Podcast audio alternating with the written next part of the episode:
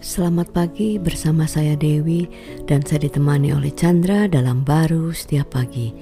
Mazmur 23 ayat 4 dikatakan, Sekalipun aku berjalan dalam lembah kekelaman, aku tidak takut bahaya, sebab engkau besertaku. Gadamu dan tongkatmu itulah yang menghibur aku. Wah ayat ini sangat menguatkan ya bagi uh, kita atau teman-teman kita yang sedang mengalami satu uh, istilahnya lembah kekelaman lah ya dalam satu keadaan yang sepertinya gelap gitu hidup ini. Nggak ada nggak bisa melihat terang lagi gitu kan. Uh, seperti yang uh, kejadian di Gunung Merapi itu kan meletus gitu. Kayaknya wah gimana? gitu kan. Nah tapi kita ingat bahwa Gadamu dan tongkatmu itulah yang menghibur aku. Hanya Tuhan yang bisa menghibur kita dari kedalaman hati dan jiwa kita ya. Iya, ini uh, firman sangat menguatkan ya kan. Kalau diterima di dalam hidup kita jauh yang bisa kita alami kekuatannya dibanding dengan batasan-batasan yang kita sedang alami ya. Ini uh, di udah di lembah gelap lagi udah gelap lembah lagi Betul. udah uh, jatuh ditimpa tingga, tangga gitu kan. Betul. kan udah COVID-19 belum selesai datang lagi Betul. yang lain kesannya seperti itu yeah. tapi sebenarnya kehidupan ini kan kita nggak bisa menghindari ya sehebat-hebatnya seseorang hmm. dia pasti ya ada yang mengalami uh, lembah ya dan uh, udah itu kekelaman lagi kan betul uh, dia pasti tidak bisa uh, bisa berjalan di dalam hidupnya. Iya. Bisa bayangkan kalau di lembah udah itu gelap yuk ya takut lah secara uh, Iyalah, manusia secara, kita. Secara kita punya uh, penglihatan aja di lembah itu kan kita tahu kan bahaya sekali kan.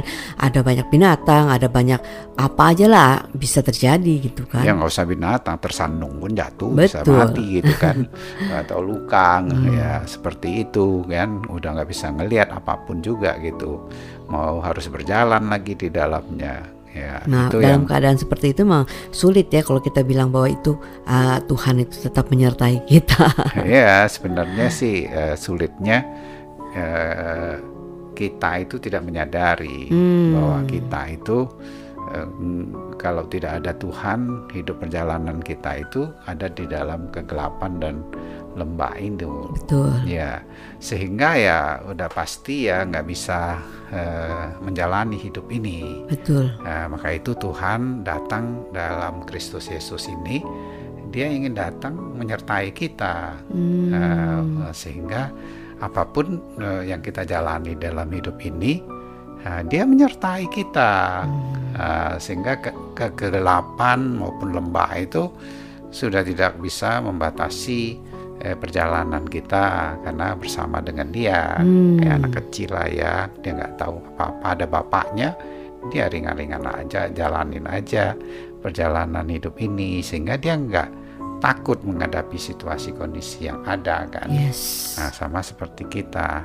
Tuhan tuh menyertai kita dengan menyadari seperti itu ya kita nggak ngelihat dari gelapnya lembahnya yang sedang kita lihat ukur dari manusia kita tapi kita ngelihat kekuatannya dia ya samping kita itu loh siapa wow. nah, itu kan Tuhan hmm. Bapak kita yes. sehingga ya jalannya jauh lebih ringan enak dan punya pengharapan bahkan di tengah kegelapan itu ada kemuliaan dia yang akan dinyatakan Betul sih, amin. Kayak kita lagi ngerasakan satu satu keadaan misalnya terjatuh atau gagal dan kita akan pasti terhibur kalau kita ingat ada orang atau uh, keluarga kita atau siapa saja yang selalu uh, menyertai kita di dalam keadaan itu ya, apalagi ini Tuhan gitu. Ya, Tuhan bisa pakai siapa saja, tapi fokus kita kan kepada Dia sekalipun dia tidak kelihatan uh, secara manusia lahir riah kita, tapi dia bisa mewujudkan hal-hal yang nyata ini karena wow. kita percaya kepada Dia. Wow, amin. Amin.